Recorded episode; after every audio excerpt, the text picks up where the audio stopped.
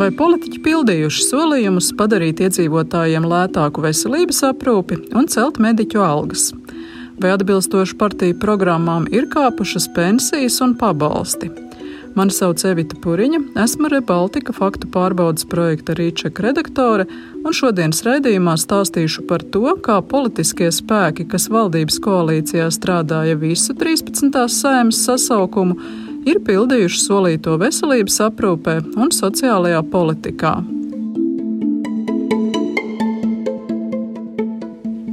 Pirms četriem gadiem viens no aktuālajiem jautājumiem priekšvēlēšana diskusijās bija mediķu algas.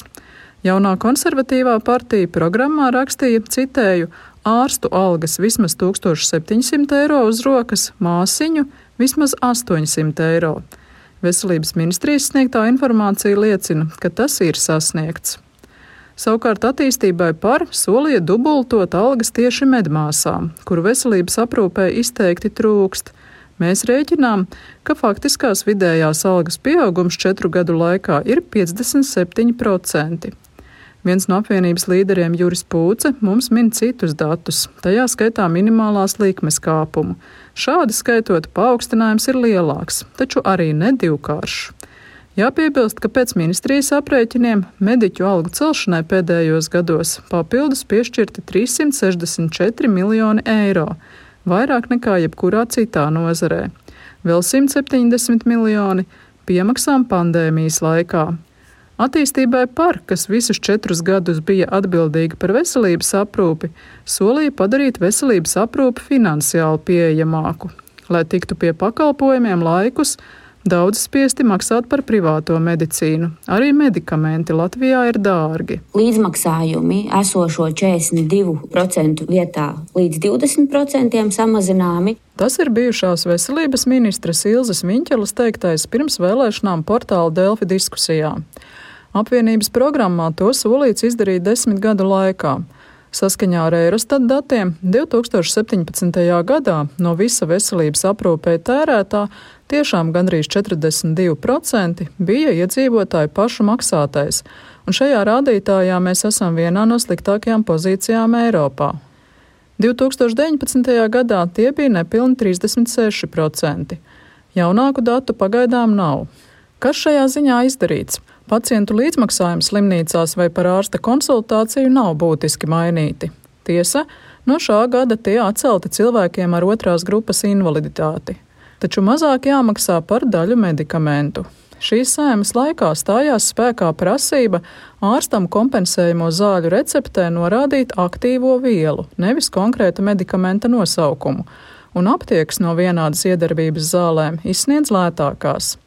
Nacionālais veselības dienests aprēķinājis, ka tā rezultātā kopējais pacientu līdzmaksājums par vienu recepti samazinājies vidēji par 23%, bet kopumā maksājumi par kompensējumām zālēm šādi samazinājušies par 12 miljoniem eiro, jeb 48%. Attīstībai par deputāts ārsts Andris Skride norāda, ka papildināts arī kompensējumu zāļu saraksts. Šogad tam papildu piešķirti 20 miljoni, galvenokārt onkoloģijas zālēm. Jautāju Skridem, vai plāns divreiz samazināt to daļu, ko pacienti dažādos veidos maksā par veselības aprūpi paši, tiešām ir reāls. Mums uh, medicīnas budžets uh, vēl pildīsies arī nākamajos ga četros gados, kā tas piepildījās šajā gadā, ja tas gan vairāk bija uz mediķu algām. Tad pilnīgi noteikti samazināsies. Jā, pilnīgi noteikti. Taču šo gadu laikā nav pozitīvu izmaiņu to medikamentu cenās, ko valsts nekompensē. Veselības ministrija, ko vada attīstībai par, tikai šogad sagatavojas ziņojumu par zāļu finansiālo pieejamību. Tajā aicina medikamentiem samazināt PVN un mainīt cenu veidošanas principus. Par to vēl būs jālemj šai vai nākamajai valdībai. Par zāļu cenām pirms vēlēšanām solīja rūpēties arī citas partijas. Lūk, fragments no jaunās konservatīvās partijas reklāmas Latvijas radio pirms četriem gadiem. Jaunā konservatīvā partija medikamentu cenas samazinās par 30%. Tagad partijas līderis Jānis Bordāns man saka, ka konservatīvie nevadīja veselības ministriju. Runāt par veselības ministrs, nevis tieslietu vai kāds cits ministrs satiksmes, tad, piemēram, ja mums būtu šī ministrija, mēs noteikti runātu. Samazināt zāļu cenas solīja arī jaunā vienotība. Arī bijusī veselības ministre Anna Čakša, kas uz jauno vienotību pārnāca no ZZS, saka, ka apvienība par šo jomu nav atbildējusi, un samazinājums bijis tikai valsts apmaksātajām zālēm. Tie ir kompensējumie, jā, bet cita veida aktivitātes nav, nu, jo to organizē veselības ministrija. Tātad aizvadītajos četros gados būtiski celtas mediķu algas, veselības aprūpas finansiālā pieejamība pacientiem netik ļoti. Turpināšu par sociālo politiku. Vairākas partijas pirms vēlēšanām solīja celt mazās pensijas un pabalstus. Jaunā vienotība programmā rakstīja, ka palielinās pensijām neapliekamo minimumu attīstībai par, ka gatavos pāreju uz jaunu pensiju modeli. Nacionāla apvienība un jaunā vienotība, ka pārēķinās pabalstus cilvēkiem ar invaliditāti. Visstraujāko kāpumu solīja konservatīvie. Labklājības ministrs Juris Jurašs garantēs, ka jau nākamgad pensijas līdz 500 eiro tiks atbrīvotas no nodokļiem, un minimālā pensija tiks pacelta no 70 uz 200 eiro. Tas ir citāts no partijas līdera Jāņa Bordāna ierunātās reklāmas pirms četriem gadiem. Jurašs par ministru nekļuva un arī solītais pildīts daļēji. Pensijām ir noteikts ar nodokli neapliekamais minimums 500 eiro apmērā, taču tikai no šā gada vidus, nevis jau 2019. gadā. Arī minimālā pensija ir celta, taču tikai līdz nepilniem 150, nevis 200 eiro. 150 eiro ir minimālā summa cilvēkiem, kuriem ir vecuma pensijai nepieciešamais 15 gadu darba stāsts. Savukārt 200 eiro saņem tie, kas nostrādājuši vismaz 34 gadus. Turklāt jāatceras, ka gan minimālā vecuma pensija, gan atbalsts cilvēkiem ar invaliditāti būtiski pieauga tikai satversmes tiesas spriedumu dēļ. Tā par neatbilstošiem valsts pamatlikumam atzina minimālo ienākumu sliekšņus, pēc kuriem valsts nosaka dažādu sociālo pabalstu apmēru.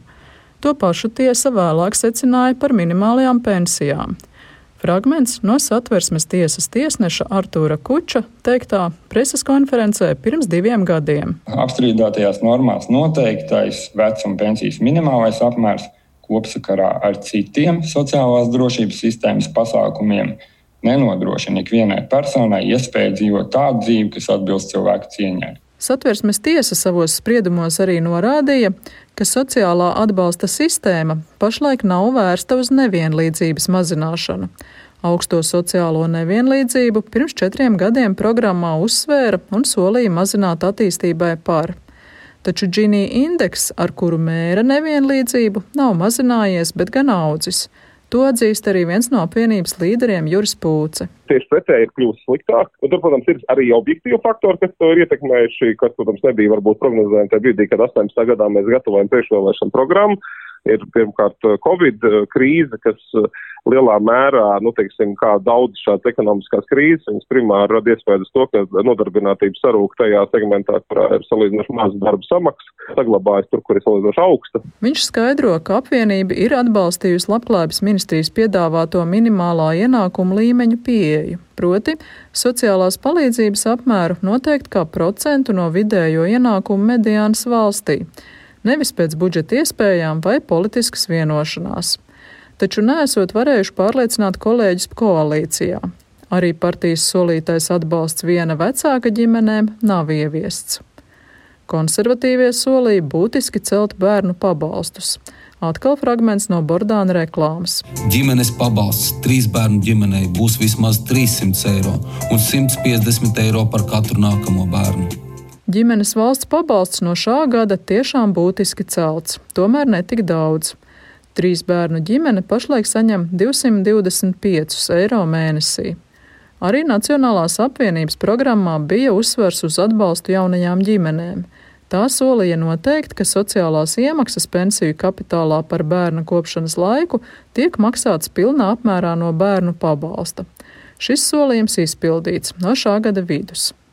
Tāpat Nacionāla apvienība solīja padarīt pieejamāku pirmsskolas bērnu pieskatīšanu. Koncepts ir tāds, ka vecākam ir brīvs uh, tiesības izvēlēties bērnu uzraudzību vai izglītības iestāde, vai tas ir privātais bērns vai pašvaldības bērns, un, un pašvaldībai pienākums attiecīgi finansēt. Mazliet citā apmērā nekā līdz šim tas ir bijis. Tā paplašinātajā programmā solīto man skaidro Nacionālās apvienības politiķis, premjera padomnieks demogrāfijas jautājumos Imants Parādnieks.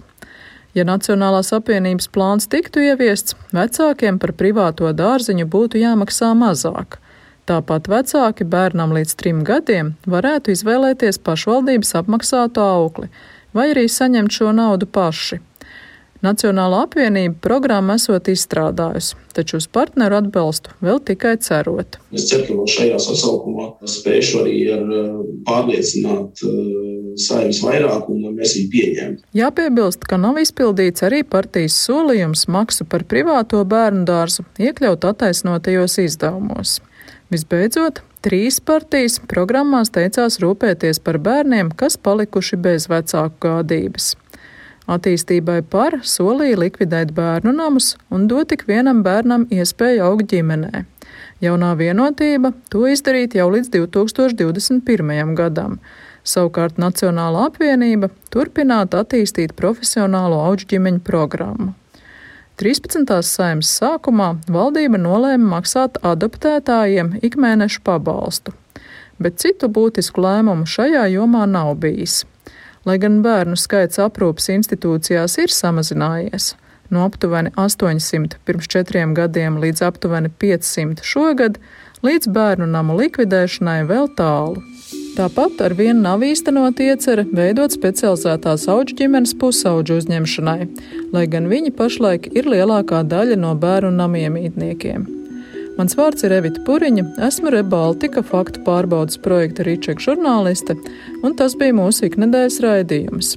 Pēc nedēļas stāstīšu par valdības partiju solīto nodokļu jomā. Plašāk par to, kā pildīt iepriekšējo vēlēšanu solījumu dažādās jomās, Lasiet arī portālā LSM un Rebaltika interneta vietnē.